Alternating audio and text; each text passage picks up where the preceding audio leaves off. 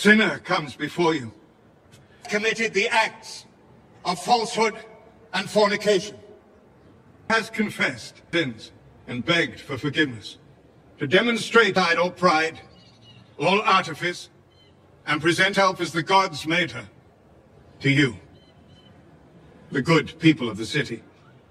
Before you with a solemn heart, shorn of secrets, naked before the eyes of gods and men, to make walk of atonement. Shame. Shame. Shame. Shame. Shame. Shame. Shame. Shame. Shame. Shame. Merhabalar, Farklı Kaydedin Chicago Bulls Podcast'i Drake Hotel'e hoş geldiniz. Ben Nail, bugün her zamanki gibi Berkay'la beraber ne yazık ki Chicago'nun eşeklerini konuşacağız. Hoş geldin Berkay'cığım, ne var ne yok? Hoş buldum abi. İyiyim. İşte bayağıdır uzaktık. Dinleyicilerimizden de özür dileriz. Sonunda geri döndük. Ya benim basketbol konuşmak midemi bulandırıyor açıkçası. Hani e, daha önce bir tweet gördüm ben. Doncic kısıtlı yeteneğine rağmen lige damga vurduğu tarzında başlıyor tweet. O tweet atan Yani bu- adam troll biliyorsun değil mi? Abi bilmiyorum da Bulls beni keşke basketboldan bu kadar anlasaydım dedirtecek noktaya getirdi. Ben sana o kadar söyleyeyim yani. Detaylı konuşacağız merak etme. Basketboldan o derece nefret ediyorum şu anda ya. Ee, bu arada podcast'a başlamadan önce hani gündemimize geçmeden önce Derrick Rose'un MVP'nin nin 10. yıl dönümü. Biz bunu pazartesi günü çekiyoruz bu kaydı. Bugün Derrick Rose'un MVP'liğinin üstünden 10 sene geçmiş. Derrick Rose üzerinden tüm o dönemki Chicago Bulls camiasını kutlayarak başlayalım dedim ben kayda. Derrick Rose da herhalde içimizdeki en büyük acılardan bir tanesi. En büyük yarım kalmış hikayelerimizden bir tanesidir. Yani mutlaka. Zaten Derrick Rose'u daha önce uzun uzun konuştuğumuz pek çok bölüm var. İşte bizim ilk Evet. girdiğimizde Rebuilding Garpax. Garpax bölümümüz var ya. Garpax döneminden bahsediyordum. Garpax'ın ilk bölümü. Daha sonra Garpax'ın biraz ikinci bölümü gibi çektiğimiz Chris abinin konuk olduğu bölüm. Bu iki bölümde zaten Ee? o dönemi biz çok detaylı olarak anlattık. Berkaycığım Garpax'ın ikinci bölümü de demişken hani çekeceğiz deyip çekmediğimiz ilk kaydımız olabilir o ya. Abi çekeceğiz deyip çekmedik. Ondan sonra Filiz abi geldi yani. Bence dinleyicilerimiz daha mutlu olmuştur. Abi Filiz abinin geldiği bölüm biraz şey bölüm ama ya. İmparator gelmiş imparator bölümü. Tam freestyle bölümdü o ya. Gerçekten. Bir de şey işte Orada farklı kaydete de ilk girdiğimiz bölümler diyor onlar. aynen bir de 2011 senesini ya NBA tarihinin en çok sevdiğimiz sezonu 2011'in konuşulduğu sene podcast oydu. Ya, dinlemeyenler mutlaka dinlesinler. Hatta bunu bırakıp onu dinlesinler. Gerçekten tavsiye ederiz. Ee, istersen şeye geçelim önce. Neden geciktik? Hani bir aylık bir süreç oldu, ara oldu. Biz en son bıraktığımızda yeni trade li- deadline'ı atlatmıştık. Neden geciktik istersen ondan biraz bahsedelim. Ya aslında bahsedecek bir şey de yok pek. Hani benim işlerim yoğundu çok fazla. Senin de sınavların falan vardı, derslerin çok yoğundu. O yüzden özel hayatımızdan dolayı pek vakit ayıramadık podcast çekmeye. Biraz da tabii Bus'un da düşmesinin sebebi var. Bus eğer çok iyi gitseydi mutlaka vakit ayırırdık ama Bus da çok düşünce dedik daha sonraya kalsın. Yani evet öyle oldu. Çünkü bizim işte podcast'te de mutlaka değineceğiz. Bir Hawks maçı deneyimimiz var. Gece birlikte izliyorduk. Of. of. O maçtan of sonra bir şey işte ben benim sınav haftam sonu hemen sonrasına denk geldi. Ve benim bir iki, iki buçuk haftalık maç izleyememe dönemim oldu. Çünkü sınavlarıma yoğunlaştım. Bununla birlikte ben sınav haftamdayken normalde girecektik. Aras abi de o hafta rica etmişti. O hafta bizim e, takvimdeki slotumuzun olduğu haftaydı. Ben özür dileyerek abi kaydedemeyeceğiz dedim. O Aras abiden de tekrar özür dilerim. Nasıl geçti sınavlar bu arada senin? E, güzel geçti. Sanki hiç sormamışım gibi. güzel geçti işte. Bir tanesi bir tanesi biraz koydu. o kadar da Kalanı olur tatlı- yani. Kalanı tatlıydı. Maşallah. Teşekkürler. Ee, tekrardan dinleyenlerden özür dileyelim. Hani umarım bir daha böyle bir gecikme yaşanmaz diyelim. Ya bu arada ben şey e, bu arada bu Twitter hesabını blokladım. Uzun zamandır verdiğim en doğru kararmış ya. Ya bu kadar mı fark eder? Nefes almaya başladım sabahları bak. Sabah uyan mutlu bir şekilde mutlu bir adam olarak uyanmaya başladım ya. Abi biz bunu Blokladığımdan seninle beri. konuşmadık da ben de blokladım hepsini. Ben e, baktığım zaman Drake Otel'in hesabını açıyorum. Orada da takip ediyorum Aynen ya. öyle. Ben oradan açıyorum. Aynen öyle. Arada bakıyorum böyle ama böyle öğlene doğru bakıyorum. Falan bakıyorum. Aa diyorum bu salaklar yine yenilmişler. Yok ben şey Ondan sonra geçiyorum. işte maçların Analiz oynandığı... falan da okumuyorum ben. Ya benim şöyle bir e, ben şöyle bir gaflete düşüyorum. Sahur hazırlarken ben sahurda yemek hazırlamayı severim bir de işte. Bizim ailede herkes Hı hı. çalıştığı için aşağı yukarı genellikle ben ya da abim sahur hazırlıyor. Sahura doğru ben genellikle bizim maçlarımız 2-2.30 gibi başlıyor ya bu ara. Hı hı. Maçları açıyorum yemek yaparken bir yandan. Genellikle Vay tam be ben kardeşim. yemeği bitirdim. Yatakta maçı tekrar açıyorum telefonumda. Maç kopmuş oluyor. Vefakar, vefakar Bulls taraftarı işte. Maç, maçı Vefakar açmaya bu bile taraftarım benim yemek yediğim kısım maçın koptuğu anda oluyor. maç kop. Ben bir geri dönüyorum hop 15 fark yemişiz. yani Chicago'nun eşekleri ya. Vallahi Chicago'nun eşekleri. Neyse e, şeyden bahsedelim istersen. Hmm, Chicago'muzun diğer takımı ayılarımız. Justin Field'ı draft etti. İki tane de O-line draft. şöyle Aa, iki neyse. tane o draft, O-line draft ettik. O-line dediğimiz şey şimdi biz senle zaten NFL'in gediklisi Cover değiliz. Beni, konuş. hayır beni NFL'de Arma'yla devlet başlattı. Bundan 2-3 yıl önce. Ama şey işte Şöyle ben şey açısından söylüyorum. Dinleyicilerimize de işte Fritz abinin şeyi vardı ya running back'lere. Abi koş koş koş. Bırakın muhabbeti. lan beni girer. Aynısını işte Ya şu an şöyle- dinleyicilerimize yapacağız. Çünkü dinleyicilerimiz ofansif line'da hiçbir şey bilmiyor. Bilmek isteyenleri Two'ya yönlendirelim. Hem öyle ya ben Bizden sadece şunu söyleyeyim. bizden çok daha iyi anlatıyorlar. Kesinlikle. O-line dediğimiz şey quarterback'inizi koruyan koruyan bir takım 300 kiloluk adamlar. Quarterback'te herhalde şey değil mi? Topu atan. Ha topu atıyor. Ya kendisi koşuyor Topu ya topu adam. atıyor. Ee, Bears'ın quarterback gibi tüm sporlara baktığımızda Amerikan sporları ve olimpik sporlar dahil ee, en değerli pozisyon. Takım böyle sporlarından bahsediyoruz Büyük değil bir mi? risk alabilirsin. Evet takım sporlarındaki en değerli pozisyon. O yüzden e, yüksek riskli takaslar yapmayı gebeliyor. Şey yapılır. E, Justin Fields da Bu sene bir şey olur mu peki? e, abi Justin Fields başlamayacak maçlara. Hı hı. E, maçlara Sezonun şey ilerleyen baş- kısımlarında bakılır. olur mu? ben Sezonun e, Justin Fields değerlendirmek için bu senenin değil bir dahaki senenin önemli olacağını düşünüyorum. Oynasa bile Hı hı. bu sezon. Bu arada ben Justin Field'la ilgili bir şey duydum. Onu söyleyeyim sana belki teyit edebilirsin. Ya Justin Field draft'ın en iyi ikinci quarterback'i olduğu söyleniyormuş. E, Zaten sezon sonunda ikinci sıradaymış ama epilepsisinin ortaya çıkmasından sonra Evet. düşmüş evet, evet. draft'a. Epilepsi çıktı onun. Hmm, Ama ş- öyle bir şey- sıkıntı şöyle, varmış. eee, burada işte draft eden takımların kaçıncı sırada olduğu önemli. New York Jets bence her türlü Zach Wilson'ı seçecekti. Hmm. Mesela Şey ben de peki. sıralasam ben eee, kol- şey çok izlemedim. Biraz Trevor Lawrence'ın bir maçına denk geldim. Eee, Justin Fields'ı izlemediğim için çok yüksek perdeden konuşamıyorum. NBA draftındaki gibi çok ama Aman hocam. İşte e, Zach Aman hocam. Wilson mesela Zach Wilson'dan daha iyi şu an kendim diyemem. Çünkü ne Zach Wilson'ı izledim doğru düzgün ne Justin Fields'ı izledim. Ama bu çok O zaman şey değerli diyelim bir ya. quarterback klası. Ee, şey diyelim o zaman hani bakacağız göreceğiz. En güzeli. Aynen. Bakacağız göreceğiz. Ee, ben o- son olarak o zaman şunu ekleyeyim. İsim benzerliğinden dolayı bir gazeteciye yanlışlıkla e, ESPN'de listeye nasıl girebilirim diye bir de DM atıyor çocuk. Ee, yanlışlık anlaşılınca hemen özür diliyor ve gazeteciye zaten e, bu soruyu sorarken de Sir diye hitap ediyor. Ya bunlar benim çok hoşuma gitti. Hani aklı başında akıllı uslu çocuk izlenimi aldım ben çocuktan ama İnşallah itin uğursuzun önünde gideni çıkmaz. Ben sana bunu söyleyince de şey demiştin. NFL abi bu belli olmaz demiştin sen bana. Tabii canım. Ya o yüzden ya umarım hani çocuk bu çizgisinde devam eder. Çok akıllı uslu terbiyeli bir çocuk izlenimi aldım. Ahlaklı bir çocuk izlenimi aldım. Online Avrupa- konusunda çok kısa şey söyleyeyim. Abi biz iki oyuncu draft ettik. Biri ikinci turdan e, olmak üzere. E, ama takımın veteranı C- Leto'yu şey yaptık. Serbest bıraktık. Zaten Leto onu serbest bırakmamızın Ha. nedeni de şeydi. E, kontrat yükünden çıkmakta. Pearson şu an kontratı yok. Kontrat veremiyor oyuncular. İyi Biraz İyi eklemişsin sen onu. Ben çünkü şey demiştim biraz önce. Draft ettiğimiz çocuklardan birini saldık Hayır demiştim. canım, Onlardan ikisi de takımla idmana tutmuş. çıkmadan önce niye salasın? En kötü practice squad Hiç- oynar. Hiçbir fikrim yok Amerikan futbolu ile ilgili. Neyse ilerleyelim. Avrupa Ligi hakkında söyleyecek bir şeyim var mı? Ben çok iki kısa iki notu iletip geçmek istiyorum. Tabii bunu. abi. Ben küçük bir şey ekledim sadece.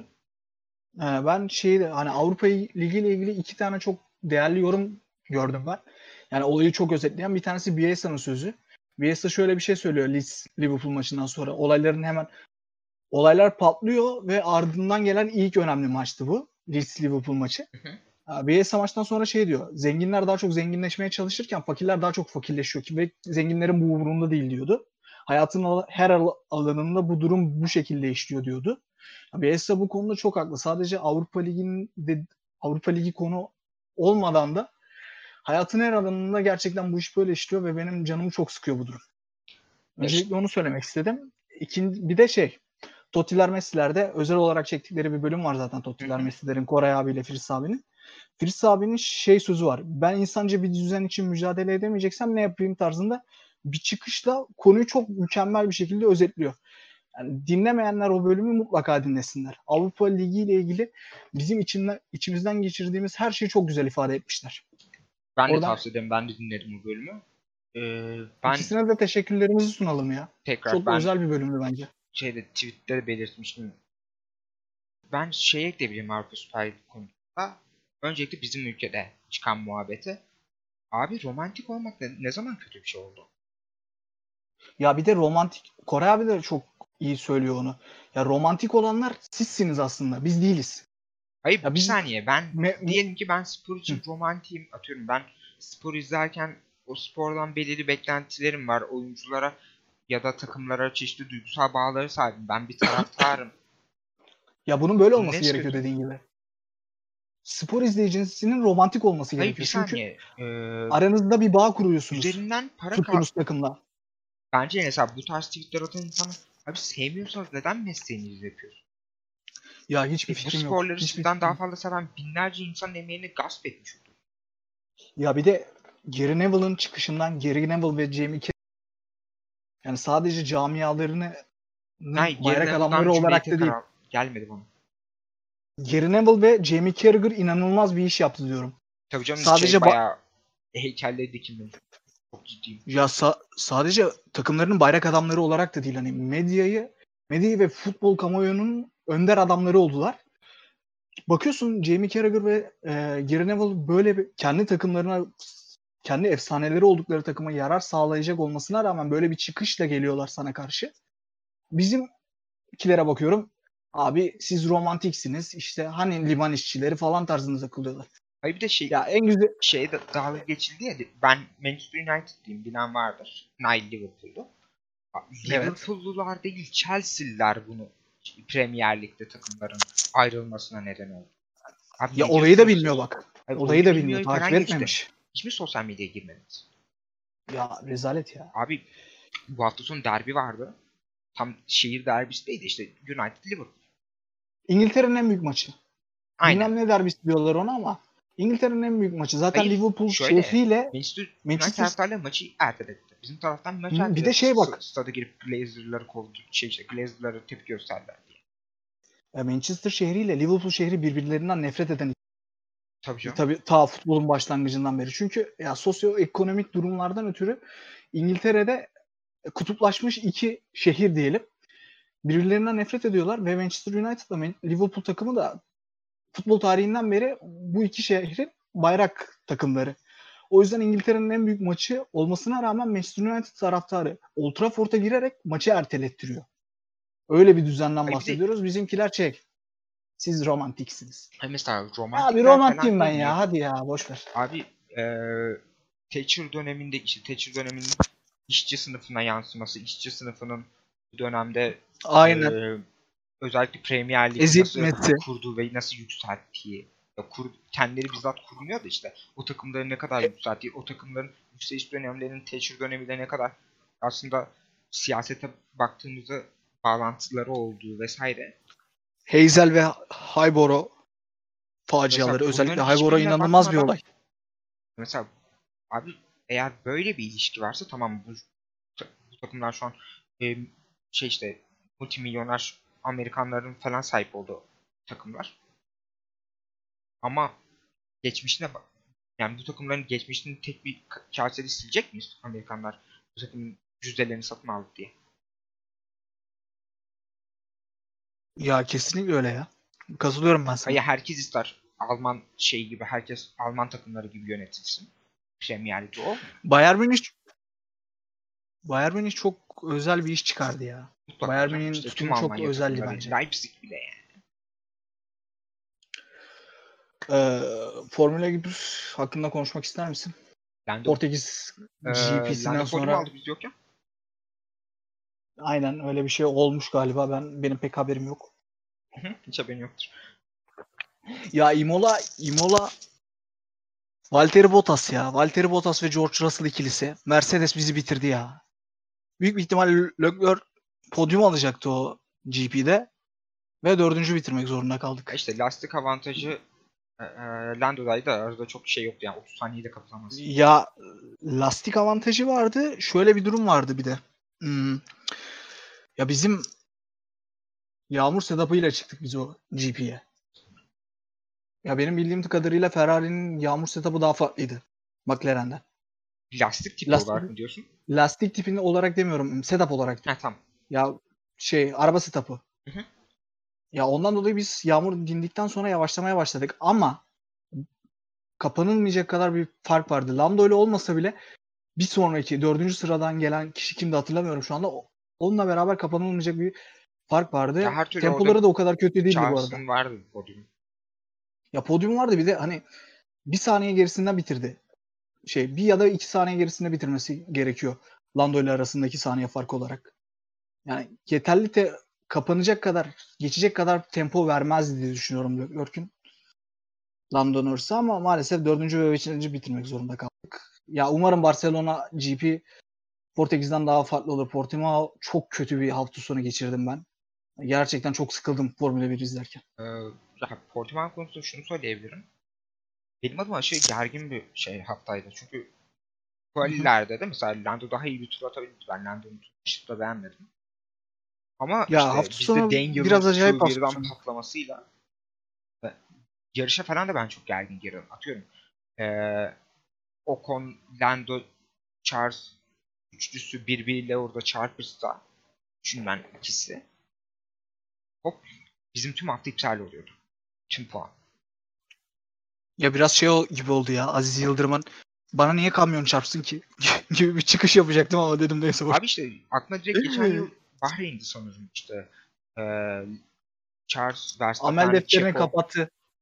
Hmm, Verstappen'ın amel geldi. defterini kapattı O bizimki. abi. gridde arda arda üçlüyü görünce. Ee, o zaman Formula 1'i şeyle kapatalım. Alonso hocamızın mükemmel performansını kutlayarak kapatalım. Hocam çok seviyorum seni. Canım hocam, canım hocam. İyi ki varsın.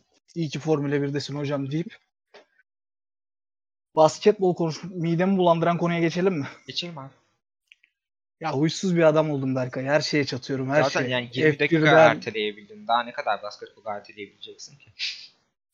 her şeye çatıyorum. Bak F1'den futbola, basketbola, ona buna herkese çatıyorum. Buz'dan patladık. Ferrari'miz hadi düşe kalka ilerliyor. Galatasaray'dan patladık, Liverpool'dan patladık. Yani futbolu bırakacağım, şey sporu bırakacağım yakında öyle söyleyeyim bak. Eh, geçelim eşeklerimize. Bir aylık arada Bulls'ta neler değişti? Neler hissediyoruz? İlk reaksiyonlarımızı verelim diyorum ben. Senin Ha. reaksiyonun ne bu aylık arada? Ne değişmedi? Neler yaşandı? Abi bir şey işte.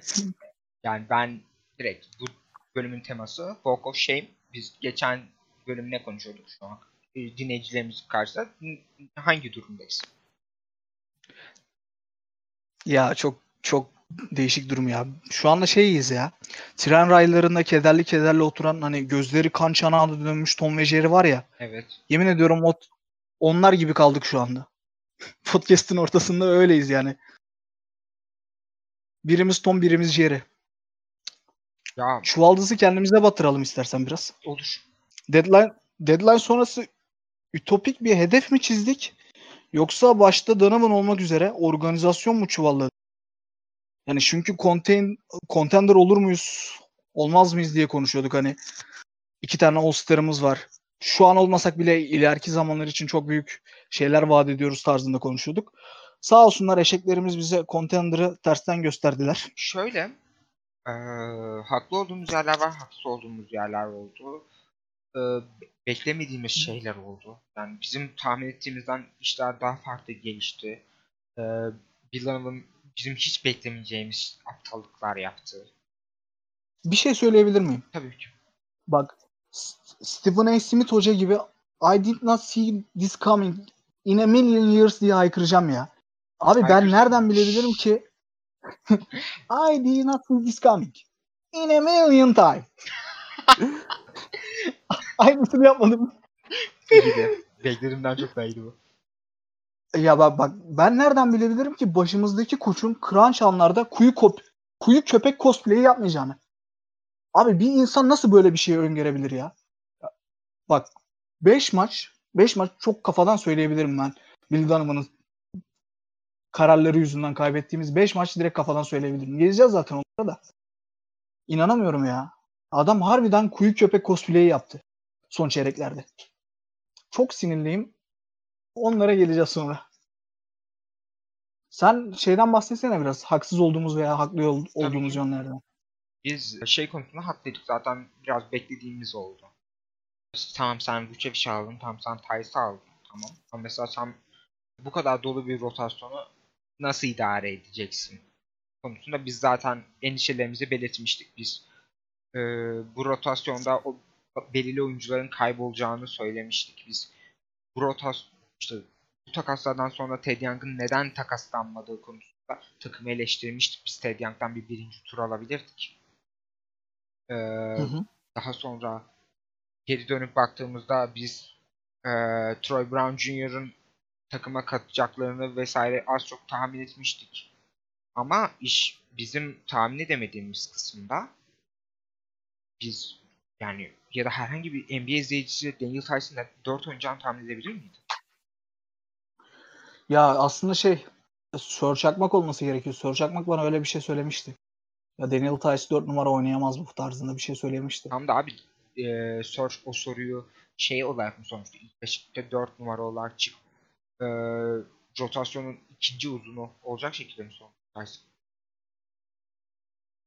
Yok. İşte. Daha sonra baktığımızda elbette mesela bizim tahmin edemediklerimizin arasında Zek'in 14 günlük e, safety protokolü takılması yoktu. Bizim tahmin edemediğimiz şeyler konusunda Troy Brown Jr.'ın sakatlığı yoktu. Bizim tahmin edemediğimiz şeylerde Billy Ee, Donovan yoktu ya. Billy Bill Donovan Donovan'ın kendisi yoktu. Geleceğiz ona ya. O zaman şeye geçelim ya istersen. Deadline'da gelen Vucevic, Troy Brown Jr. ve Tice üçlüsünün performanslarına değinelim. Hani ya özellikle Tice dediğin gibi çok farklı rolde kullanmasına rağmen ya biraz istatistiksel şişirmeler olsa bile iyi performans gösteriyor bence. şöyle Yani önümüzdeki sezon için mutlaka tutmamız gerekiyor. mutlaka. Ben bu için kötü performans verdiğini düşünüyorum. İstatistikleri umurumda değil. Ben de öyle. Ben de öyle ya. Kesinlikle umurumda değil. Attığı üçlükler falan filan da umurumda değil. Ee, Ya bir de şey demiştik ya e, bazı yaralarımıza merhem olacak bir önceki podcast'te ve yaralarımızı söylemiştik. Çoğuna merhem olamadı. ama biz hatta şey de bazılarının- söylemiştik. Savunmada geriye gideceğimizi de söylemiştik. Uf. Yani var ya öyle bir derinden of çektim ki yalnız. Dinleyenler anlamıştır. Ee, Troy Brown Jr.'a gelelim istersen. Ya bence çok özel bir performans gösteriyor. Troy Brown Jr.'la sanırım ee, Scott Brooks arasında bir olay oldu ya. E, Bak ben tabii bunu işte bilmiyorum. Bir de bir- Deni Avdia'ya süre yaratmak istiyordu. Ee, kanat rotasyonu biraz karışıktı. Orada feda etti biraz.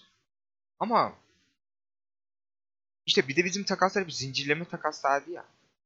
Atıyorum Hı biz ee, Troy Brown Jr. Daniel Gafford'ı vererek aldık. O takastan aldığımız Mo Wagner'i de ee, Daniel Tice almakta kullandık. Hemen o zaman sana şeyi sorayım. O güne dönersek biz Gafford'la Wa- Wagner takaslarını yapar mıydık? Ha mesela ben yapardım.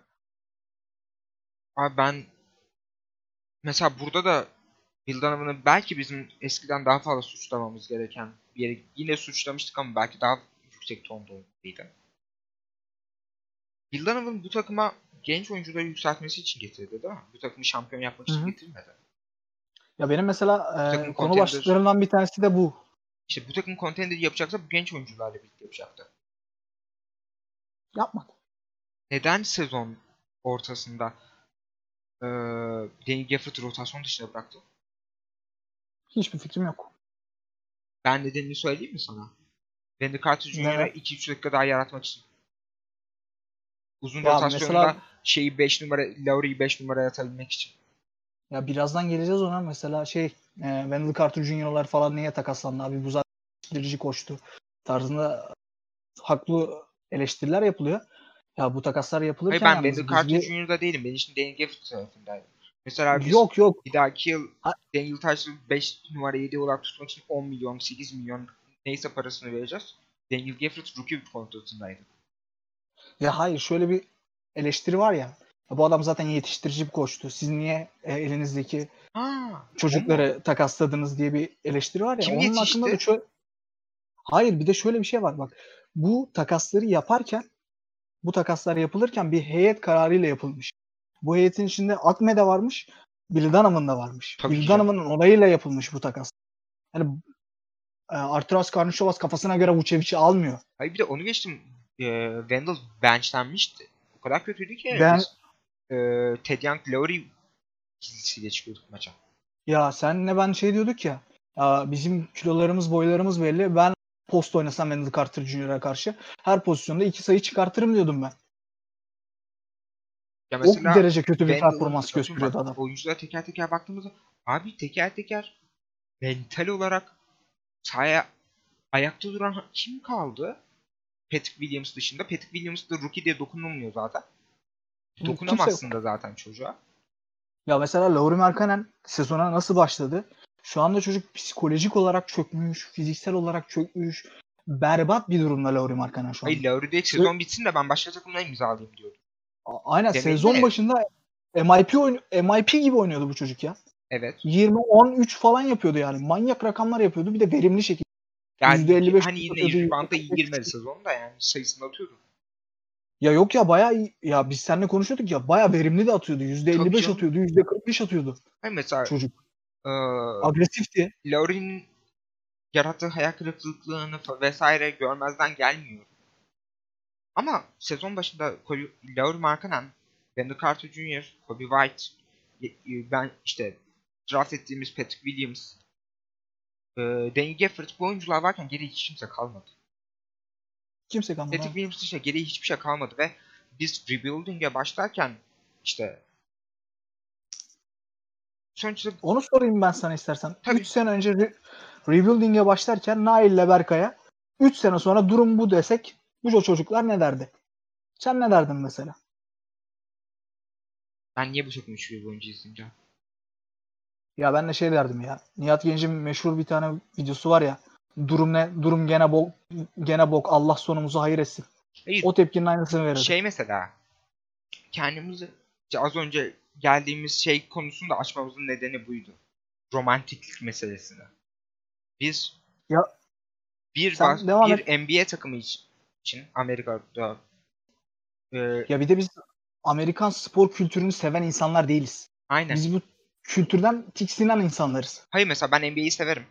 Şey olarak işte katılmıyormasam da işte bu şey geyiği vardır ya NBA ve genel olarak Amerikan sporları Amerika'nın kapitalist şeyin içerisindeki en sosyal oluşumlardır. Değiller.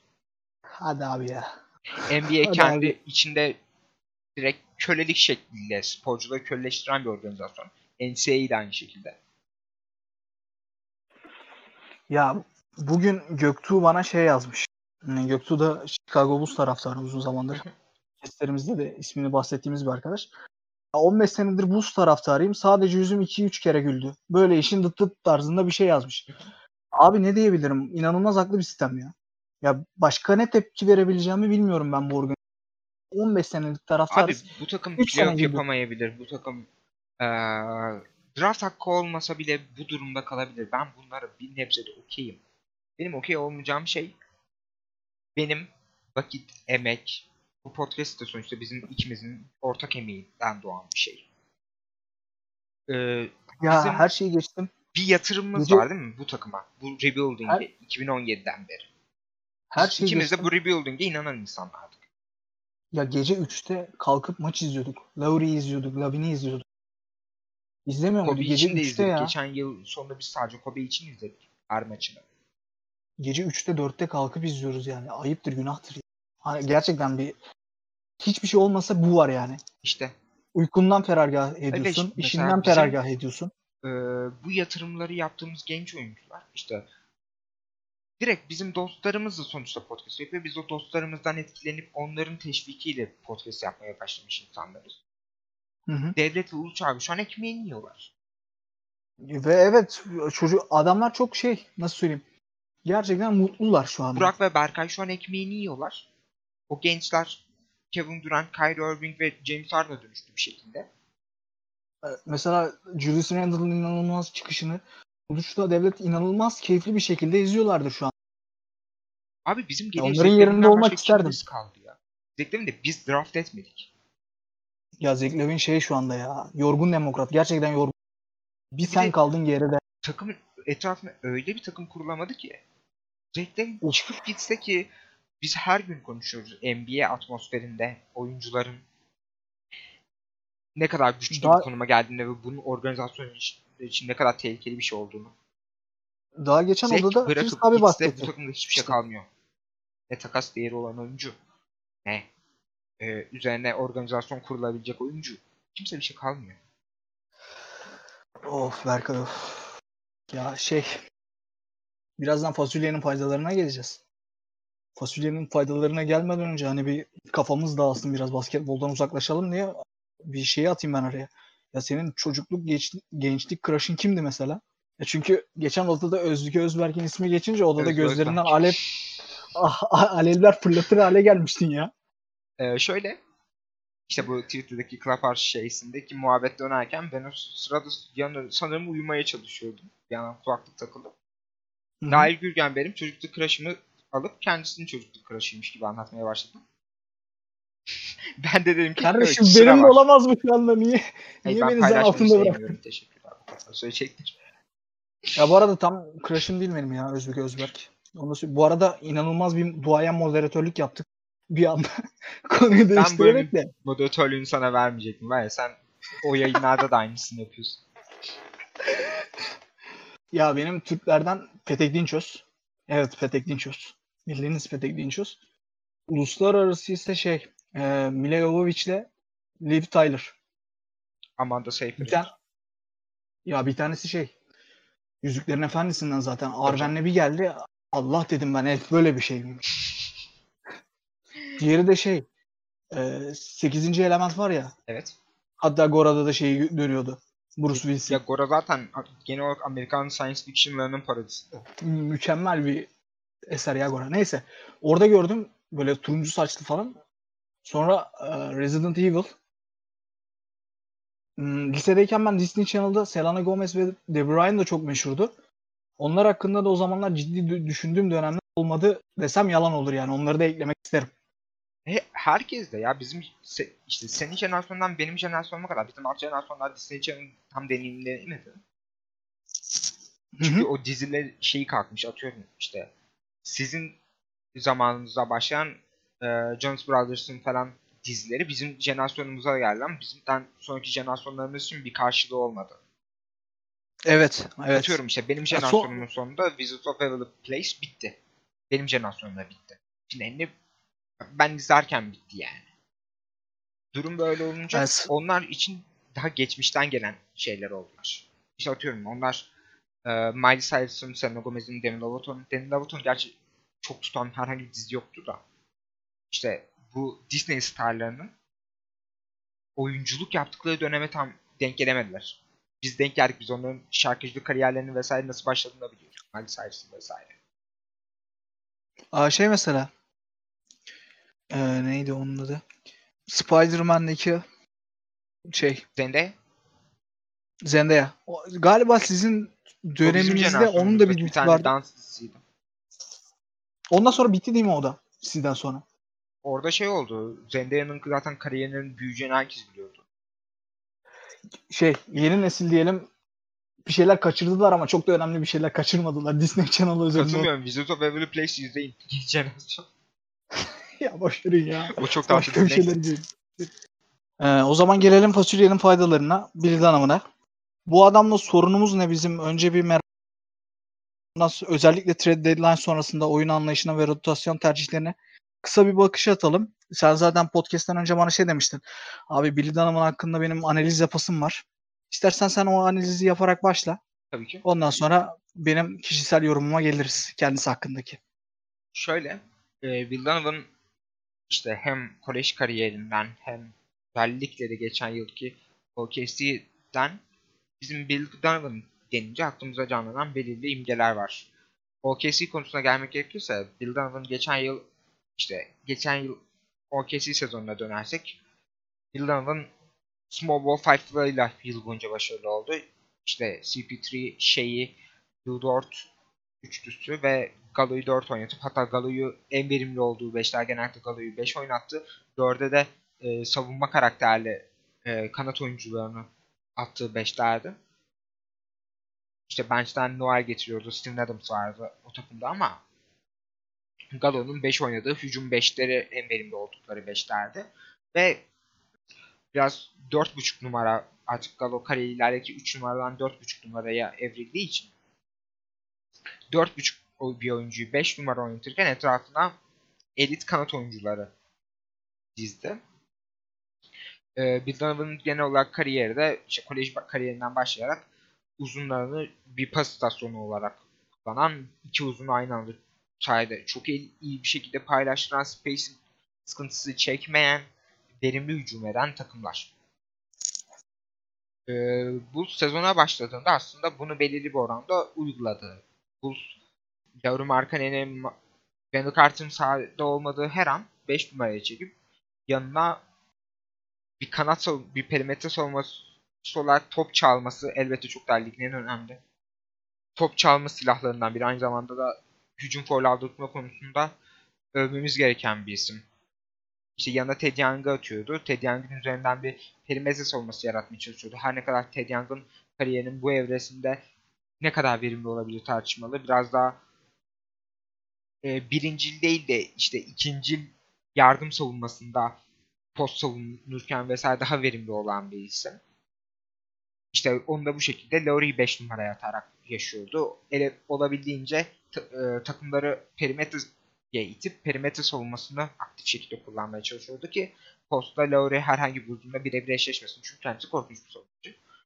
E, ve etrafına da kanat savunmacılarını diziyordu. İşte Otto Porter Jr.'ın zaten çeşitli rezilliklerinden yıl boyunca bahsettik. Patrick Williams'ın e, bir anda takımın ilk beşine yerleşmesi daha ilk maçından itibaren ve yıl boyunca o ilk beşi kaybetmemesi ve altında da bu yatıyordu. Bu takımın perimetrede güvenebildiği bir savunma karakterli oyuncuya ihtiyacı vardı. Patrick Williams de oradan bu rolde kullandı aslında. Hücumda ona biçtiği rollerden de öte.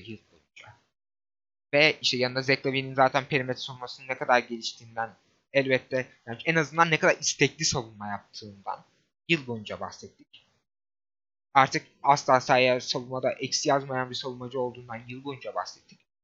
Ama burada hatayı işte oyuncu geliştirme ayağına Kobe White'ı ilk 5'e atıp elbette tam Satoranski e, Covid protokolden dolayı sezona ilk 5'te zaten başlayamazdı. Oynayamıyordu maçlarda. Fakat Satoranski geldiğinden itibaren Kobe White'ın bence geçip onun gelişimini minor minor ilerletmek daha doğru olandı. Tam tersi Bill Donovan'ın daha sezon başında ilk büyük şekilde eleştirdiğimiz şeyi Kobe White'ın altına çok büyük bir yük verip Kobe White'ın e, oynanan basketbolda kaybolmasına neden olmaktı. Ve bunun üzerinden işte aslında oturtmaya çalıştığı kaliteli perimetre savunmasını bir şekilde kuramamasıydı. Çünkü Kobe White elit bir perimetre savunması kariyer boyunca olmayacak. O yüzden zaten bench'te ne olursa olsun bench oynaması gereken bir isim. Yoksa ilk 5'te shooting guard olarak da süre alabileceği e, takımlar mevcut. Fakat hiçbir takım e, perimetre savunmasını Kobe White'in etrafında dizmek istemez.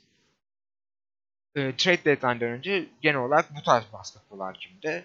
Trade deadline sonrasında tüm kontrolünü kaybetti. Niye? Çünkü kendi konfor alanından çıkmak zorunda kaldı. Kendi konfor Başlık alanını olarak- sağlamak için de zaten hiçbir zaman Bulls'un güçlü karnı olmamış sezon boyunca post savunmasında efendim sonrası trade deadline sonrasındaki başlığımız şey olabilir mi? Tepe takla. Tabii ki. Ee, Post zaten dedi ki benim e, savunma karakteri bir uzun şeyim olmadı. Uzun oyuncularım olmadı. Uzun line-up'larım olmadı. Ben- ne yapayım dedi. Ee, elimdeki verim alamadığım, savunmada da çok vasat kalan Wendell Carter Jr.'ı ben bir All-Star'a dönüştüreyim dediler. Ve hamle, o hamle yapıldı. Fakat hamle yapıldıktan sonra fark etmedikleri bir şey vardı. Lauri Markkanen, Ted Young, Nikola Vucevic ve daha sonra yine takasla katılmış olan Daniel Tice takımda birbirleriyle uyumlu oyuncular değiller. Biz bundan da bahsetmiştik burada. Bizim önerimiz burada olabildiğince Lauri ile dakikalarını Tyson. ayırmaktı. Vucevic'in. Vucevic'in. Vucevic'in yanına Ted Young'ı, bench'te Lauri'nin yanına da Daniel Tice'ı işlemekti. Elbette ortak süre alacakları dakikalar olacaktı. Ama bu dakikaları da olabildiğince perimetre savunmasıyla yanlarına Patrick Williams, Troy Brown Jr., Zach Lavin, Thomas Satoranski gibi oyuncularla dengelemekti. Hatta ben şu small ball five'ları atıyorum. Ben bu rotasyonda tedavi edilecek bir oyuncu olaca- olacağını düşünüyorum ve bunun Ted Young olacağını ederken bunu aslında en çok geliştirmesi gereken oyuncu ve sezon başında da e, uğra- işte o gelişmesinin en olumlu yanıtı aldı. Lauri Markkanen üzerinden yapıp Lauri Markkanen'in tüm rotasyondan ana plandan sildi. Lauri Markkanen dedi ki işte geçen yıl Jim Boylan'ın yaptığı gibi abi kenar şutörsün boş şutları değerlendir. Postta bizim oyunumuz çok yoğun olacak. Çünkü sen Daniel Tice'la oynayacaksın. E, Nikola Vucevic'le oynayacaksın. Nikola Vucevic de çok az dakika alsalar da yine dakikalarını ayırmaya çalışıyor. Ve Ted Young'la alacaksın. Ve biz seni e, post silah olarak düşünmüyoruz. Dedi ve onu kenara itti. Biz bunun, bu tehdidin de farkındaydık. Fakat biz small ball five oynaması gerektiğini düşünüyorduk. Bu takımın uzun dakikalar boyunca. İlk 5'te başlamasa bile. Small ball five'dan kastımız ne? E, Patrick Williams'ı 4 numarayı çekip Troy Brown Jr., Zach Lavin ve Thomas Satoranski ile dengeli 5 kurmak. Savunma karakterli iki oyuncu, hücum patlaması olan iki All-Star, Elite Shooter, iki All-Star ve Thomas Satoranski gibi sahanın her iki tarafında da verim alabildiğin bir point guard. En azından geçici olarak Thomas Satoranski'den sen de ben de şu an şey değilizdir. Satoranski sahaya her zaman en iyisini koydu bu sezon. Geçen yılın aksine. Geçen yıl kaybolmuş Kesinlikle öyle. rotasyon içinde. Bu sezon çok çok özel bir yeri vardı ya. Ve mesela bu Yani e, karakter karakter koyma açısından. Tabii ki. Bu son ayda işte Bulls'un genel olarak batırmasında ki en underrated kalan oyuncuydu Satoranski. Çünkü sahada her zaman doğru şeyleri yapmaya çalışan ender oyunculardan biriydi. Bill Donovan ne yaptı? Biz yapması gerekenlerin bu olduğunu konuşurken ilk önce takas yapılır yapılmaz ben hücum ağırlıklı beşlerde sahaya kalayım diyerek Lowry 3 oynattı. Daniel Tice 4. Vucevic'i 5 oynattı geçen yıl ondan alıştığımız şeyin tam tersi olan uzun line-up'lara gitti. Voleybol'la takımları yenmeye çalıştı. Voleybol'da şöyle bir sorun oldu. Biraz Arizona Lowry'e dönmüş olduk. Lowry yine şu top işte bir shooting guard gibi oynadı. Small forward görünse de sağdaki rolü shooting guard'a daha yakın. Lowry'i sen biz hep konuşuyoruz. Sen Lowry'i post olarak post silah haline getirmediğin zaman Lowry'nin şut tehditinin hiçbir anlamı yok. Lowry iyi şut at- atabildiği her döneminde Lowry çok çalkantılı. Kariyerinde 8 maç üstü tam verimli oynadığı hiçbir dönem. Çaylak yılını dışarıda tutacak olursak. Durum böyle olunca sen Lowry'i yine belirli bir opsiyonu silip onu bir post tehdit haline getiremediğinde Lowry'nin şut, şut tehdidi de ortadan kayboldu. Lowry sahada e, baş, başı kesik tavuk gibi dolaşmaya başladı. Daha sonra e, Daniel Tice'den 4 numara oynattığında onun sana verdiği avantajların pek çoğundan vazgeçmek zorunda kalıyorsun. Bu ne? Daniel Tice e, ligin en underrated post savunmacılarından biri. Ama Bulls'da post savunamıyor. Yani sen onu bir perimetre savunmacısı olarak kullanmaya çalışıyorsun. Sen onu ke- köşe şutörü olarak kullanmaya çalışıyorsun. Sen onu bir pas opsiyonu olarak kullanmıyorsun. Hiçbir zaman elit bir pas opsiyonu değildi ama handoff'tan gerçekten handoff tehdidi yaratabiliyordu. Sen Vucevic'i ne yaptın? İşte Vucevic'i sınırsız özgürlük tanıdı. Fakat sen e, Orlando Magic'in yıllardır Vucevic'e gibi sen Nikola Vucevic'in etrafına elit perimetre savunmacıları dizmediğin zaman orada Aaron Gordon, Jonathan Isaac gibi oyuncuları sen yanına dizmediğin zaman Chuma Okiki bile verimli bir savunmacı. Kolej kariyerinden ne baktığımızda sen bu oyuncuları dizmediğin zaman sen Nikola Vucevic'in sahaya getirdiklerinden verim alamıyorsun. Niye? Çünkü Nikola Vucevic e, prime'ında bile hala temastan kaçan ve savunmada sana kara delik yaratan bir oyuncuyken onun yarattığı istatistiklerin hiçbir anlamı kalmıyor. Çünkü o istatistikten daha fazlasını takımlar sana atıyor.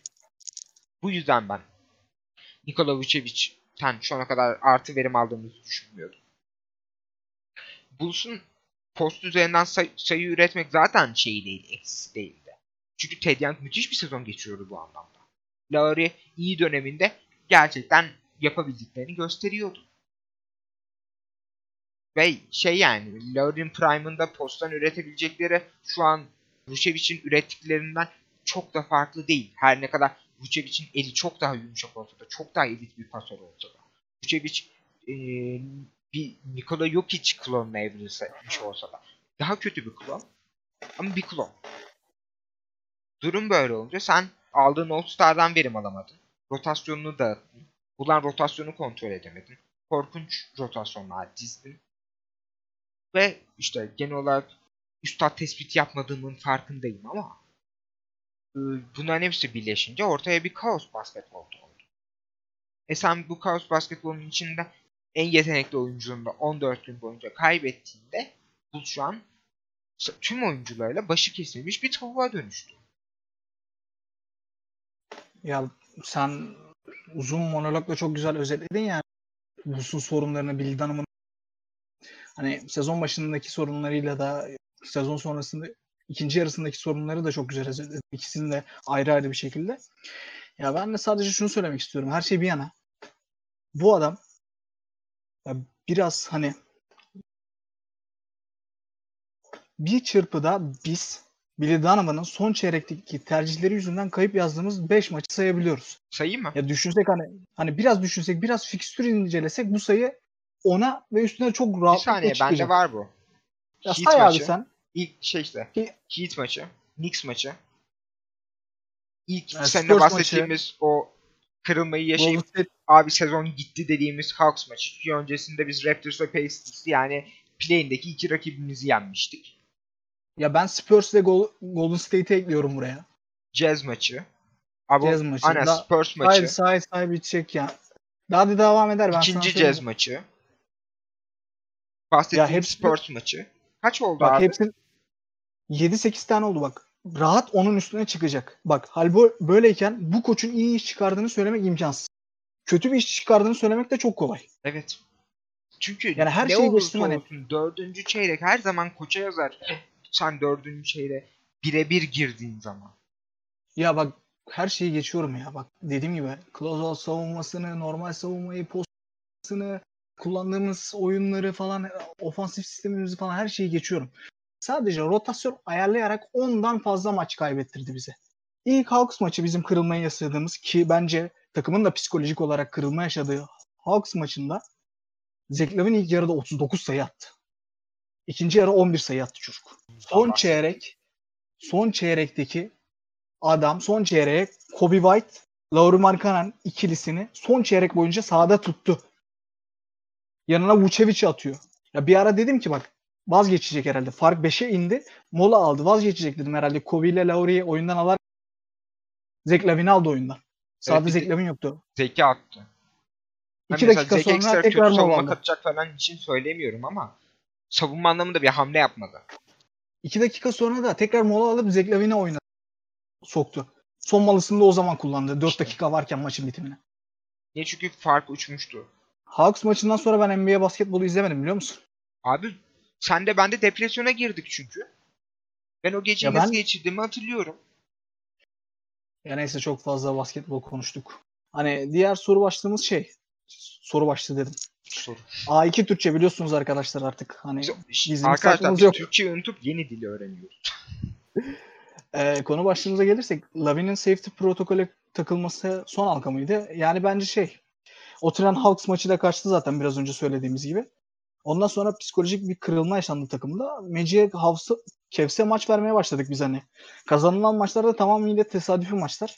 O yüzden öyle bir şey diyemem ama matematiksel olarak orada iddiamızın mucizelere kaldığı bir gerçek yani. Lavin'den sonra herhangi bir iddiamız kalmadı bizim. Ya matematiksel olarak kalsa bile Bir hala %0.1 play'in için falan. iddiamız vardı. Biz mesela Hafsa yenildiğimiz gün play'inden düşmedik. Yani Zach Lavin de yokken sen nasıl play'inde kalacaksın? Arkadan Ya bir de- 4 maçlık fark eritti o ara Washington Wizards. Biz abuk subuk maçları kaybederken.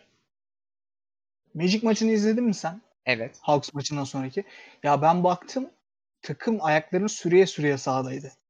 Ya gitmiyor yani çocuklar psikolojik kırılma yaşamışlar. Toparlayamamışlar yani ondan sonra. O çok belliydi.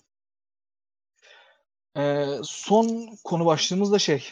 Ya biliyorsunuz biz Magic'le olan takasta ilk dört korumalı şekilde verdik bu birinci turumuzu. Bu senenin birinci turu. Lotarya şikesi gelir mi? Hani 2008'deki Rose draftı herkesin malumu 11. sıradan girip tak diye Rose'u seçecek duruma gelmiştik. Chicago'nun çocuğunu birinci Dört sıradan ne ihtimal seçmiştik. var? Ee, büyük şehir, yeni başlangıçlar falan derken hani böyle bir şike gelir mi sence? İlk dörtten seçebilir Hayır. miyiz? Çünkü Lakers hep bunu yapıyor. Abi hayır. Çünkü ben hiçbir zaman olumlu olan şeye bahis oynamam. Ben her zaman olumsuz taraftan giderim ki olunca şaşırıp sevineyim yani. Değil mi? Ben Ya şu an olmayan nasıl bir hayali- karamsarlık? Ya ben bu podcast'te bir insana olmayan hayali nasıl satayım? Zaten Ya- sezon başındaki söylediğimiz her şey tepe taklak. Ben de şöyle diyeyim hani ya ben sürekli lotarya şikesi yapacağımızı düşünüyorum. Düşünüyordum daha doğrusu. Sürekli 7. sıradan seçiyorduk. Ya bu sene de ben öyle bir şey düşünüyorum. Hani ilk dörtten seçeceğimizi düşünüyorum ama dediğim gibi benim sürekli düşündüğüm için benim böyle bir şey söylemem bir şey ifade etmesin insanlara. O zaman soru cevapa geçelim yavaştan. Bu arada çok teşekkürler. Bayağı soru gelmiş. Evet. Sağ olsun dinleyenlerimiz. Ba- sondan başlıyorum. Kusura bakmasınlar çünkü şey ben not. Aşağıdan yukarı doğru gidiyorum şu an sorularda. Bir önceki Drake Hotel bölümünü çekmeye hazırlanan Berkay Küçük'e bir tavsiyede bulunmak isteseniz o ne olurdu? Ömer Faruk Ünlü sormuş. Benim şey olurdu. Berkay sakin abi. Bir, bir, bir, bir- bir sakin ol. Gözünü seveyim. Ben şey derim abi Senin- sonraki bölümü kaydet. Aa, o vardı değil mi? Ya biz ilk çektiğimiz bölümü e, bir sıkıntı oldu kayıtta. O yüzden siz bir sonraki çektiğimiz bölümü dinleyebildiniz. Öyle bir şey oldu yani. Ve yani o da bizim böyle mod- modumuz bir tık daha düşüktü. Ya siz iyi olan bölümü dinlediniz öyle Evet. söyleyeyim. Ee, Kayra'nın birkaç sorusu var. Bulls playoff yapar mı? Yapamaz. Yapamazsa Yapamaz. Berkay Küçük Taksim Meydanı'nda protesto düzenler mi? Düzenler misin? Abi bir sokağa çıkma yasağı var. İki gerçekten şey yani bir takım pizza buz çalışanıyla birlikte Kanye'nin şey klibi var ya e, No Church in the Wild. o şekilde Hemen Taksim'e girmeye çalışabilirim ama yani okulda yakmayayım çünkü benim okul Taksim'de. Devam et abi. Şey diyebilirim ya. Bu organizasyona ne protestosu dü- düzenleyeceğiz. Bunlar %47 değil %98 olsan oldu. Abi yani bizim şeyi hatırlıyorsun değil mi? Geç, e, iki yıl önce Lakers protestoları. Staples. Center'ın önüne girip şey böyle trolüne protesto yapmışlardı. Hatırlıyorum. Benimki de max o olur yani. Sahaya aynı anda İsmail sormuş. Sahaya aynı anda Markanen e, Thais Bucevic üstüsünü atan hoca ne yapmaya çalışıyor? Ya şey ya Billy Donovan'ın ne yapmak istediğine dair herhangi bir argüman artık saldım ben. Abi Kafasına Inside Out'ta şey var ya işte. Acaba zihninde şu an ne yaşanıyor? Aynen he. Billy Donovan'ın zihnini açalım bakalım. Yemin ediyorum boş çıkar. E, sene sonunda hangi hamleler yapılmalı? Markanen kontratı gibi. Abi Markanen'le yenilemeyiz. Ya şey diyeceğim. Ya bu konuyu ya dair bir podcast fikrimiz var bizim. Bu bu konuyu konu alan bir podcast bölümü çekmeyi planlıyoruz. İsterseniz orada Ya konuşalım. muhtemelen bizim Hani- sezon finali olur. Bu seneki draft hakkınızı ilk sıraya Orlando'nun elinde ne yaparsınız? İlk dört korumalı İlk sıra- draft. Aynen. Biraz önce konuştuk zaten. 4. Zach Levine'in dudaklarını över misiniz? Abi Be- benim bir bana çok arkadaşım fazla var. kız arkadaşım yazıyor. Abi Zek'in dudakları çok güzel. Dudaklarından yakışıklı çocuk. Hiç aklıma bir gelmiyor. arkadaşım var. Yani çocuğa bakarken dudaklarına odaklanmak. Arkadaşım var benim bir tane. Kendisi heteroseksüel bir erkektir. Hı hı. Ve Zach Levine'in lakabı kendisinde bal dudak. Ben öyle söyleyeyim sana. bal dudak Levine adamın lakabı. Daha fazla da övmeyelim yani Tamam. bal dudağı. Kyren ikinci sorusu. Denize Vinny Del Negro, Boylan ve Thibodeau düştü. Birini kurtarabiliyorsunuz. Kimi kurtarırsınız?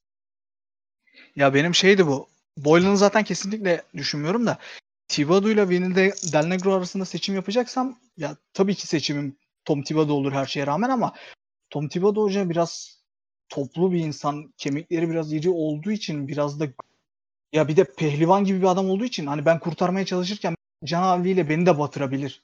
O yüzden ben Vinny Del Negro'yu Del Negro'yu kurtarırım. Kendisi Vinny hoca biraz şeydir yani uzun incedir.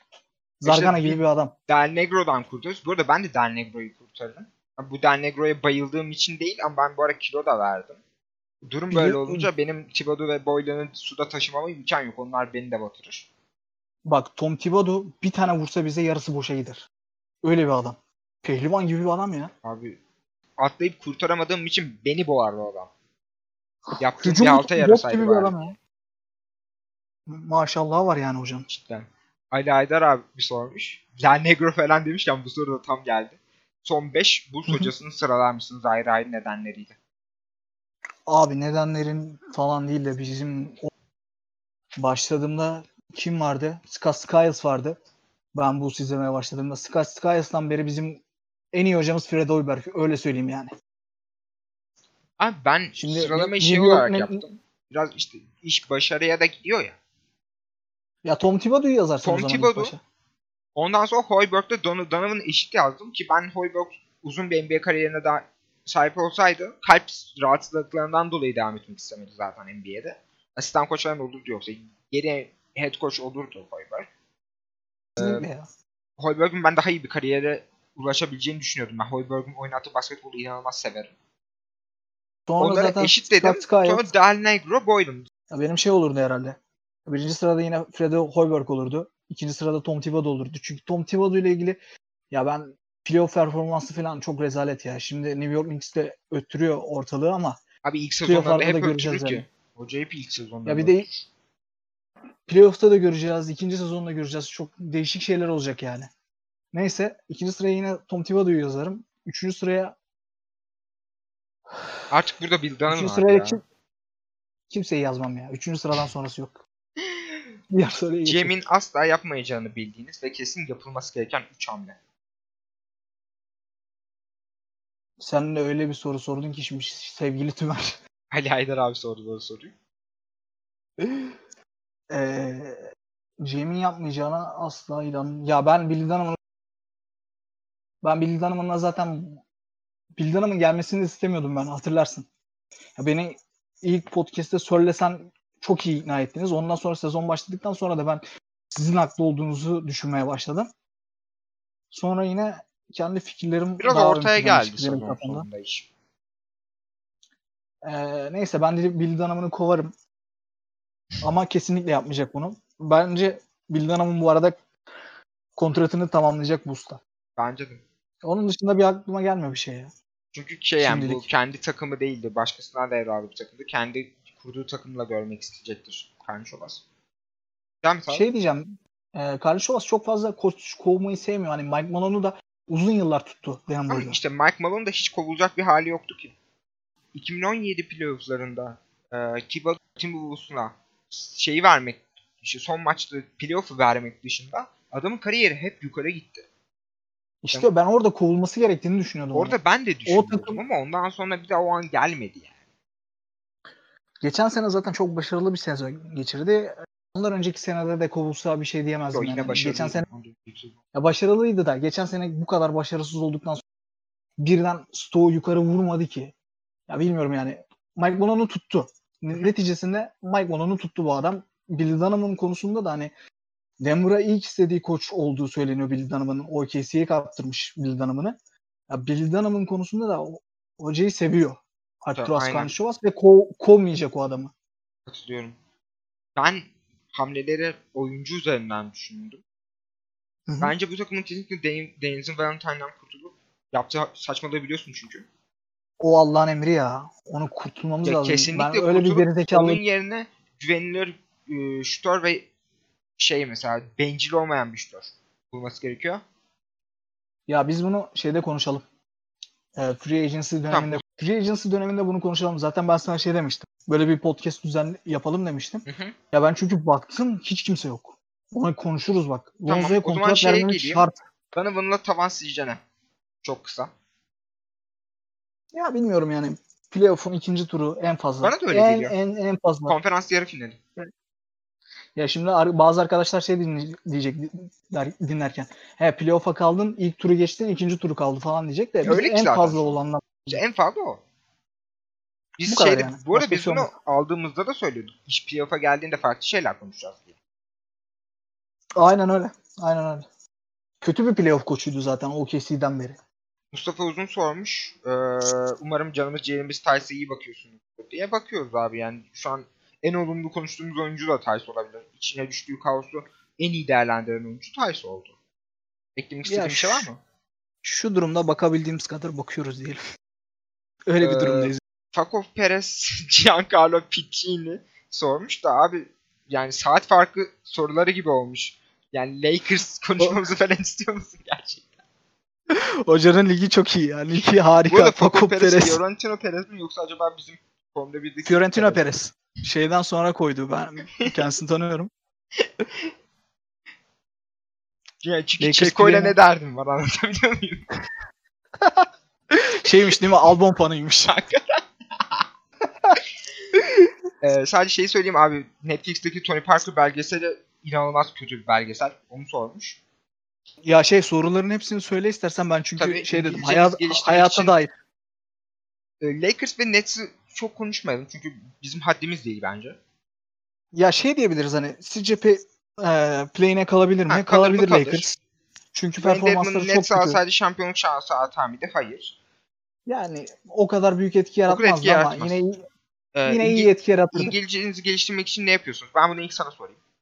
Ya şöyle bir şey var. İngilizceni geliştirmek istiyorsan mutlaka o dili konuş herhangi bir dili geliştirmek istiyorsan o dili konuşman gerekiyor. Kesinlikle.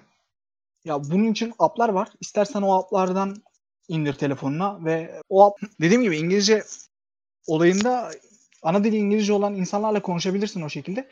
Ya bir de biz şu şekilde öğrendik. Ya mesela basketbol, Formula 1 ya da başka dizi film tarzında şeylerimiz vardı bizim, hobilerimiz vardı. Bununla ilgili İngilizce kaynaklar okuduk sürekli. Tabii canım. Ya biz mesela ben sürekli article İngi- okuyorduk. Reddit'te takılarak öğreniyorsun abi yani bir yerde. onu söyleyecektim. Abi Reddit kullanın. Hata yapmaktan çekinmeyin bak. Dalga da geçeceksiniz. Ama çekinmeyin. Ya mutlaka o dili kullanın. Ya yazı olarak kullanın ya konuşma olarak kullanın. Mesela benim ya bir de benim hazırlıktı. Hem lisede de hazırlık okudum hem üniversitede de hazırlık okudum. Bir de lise benim Sultanahmet'teydi. Ya ben çıktığım zaman İngilizlerle olsun, yabancılarla olsun, turistlerle sürekli diyalog halinde olabiliyordum. Bir yeri tarif ediyorsun, cart oluyor, cürt oluyor. Yani dediğim gibi hata yapmaktan çekinmeyin. Çünkü hani size geldiği zaman bir İngiliz ya da Fransız Benva gitmek Sultanahmet'e dediği zaman sizin hoşunuza gidiyor. Yani bunda bir sıkıntı yok. O yüzden kafanıza takmayın Ben- herhangi bir şey. Çizgi roman da önemli. Benim İngilizcemi en çok geliştiren şey sanırım köpek gibi çizgi roman okumamda. Benim de manga biliyor musun? İngilizce manga okuyordum ben. Ve bende de Çünkü işte- hani Japoncam yok benim. Yani İngilizce çevriliyor ve İngilizce okuyorsun. O zamanlar tabii Mnaki tarzında çeviri grupları da yoktu benim 2006-2007 zamanlarında. Oradan bir şekilde bir şeye geldik yani bir seviyeye geldik. Türkçemiz A2 seviyede kaldı ama Aynen Türkçe çok yabancı dilimiz gelişti. Ee, son olarak sorun sorusunu sorayım. Berkay Hoca'dan hemen bir küfürbaz Aydo serisiyle ilgili analiz alalım. Hemen. Abi o seri Nasıl buluyorsun? şu an değerlenmez de o, se- o seri birkaç yıl sonra değerlenir. Çünkü o şey bir seri.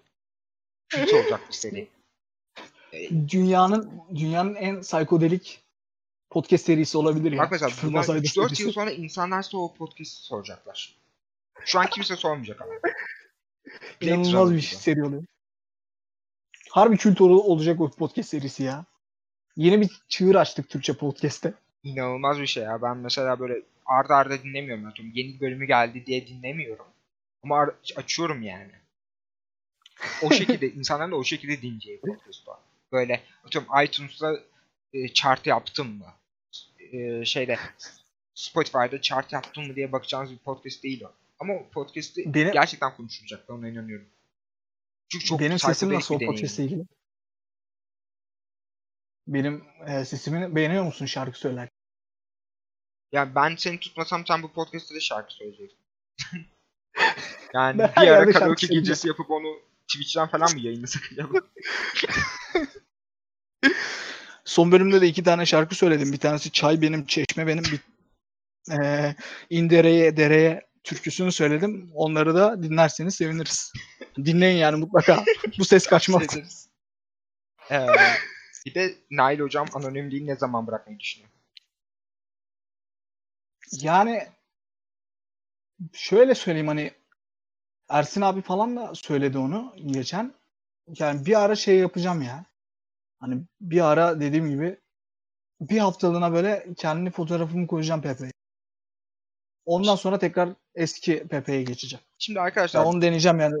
Söz. Nail Gürgen dünyanın en böyle şey insan olduğu için asla kendisini övmez. Ben direkt söyleyeyim.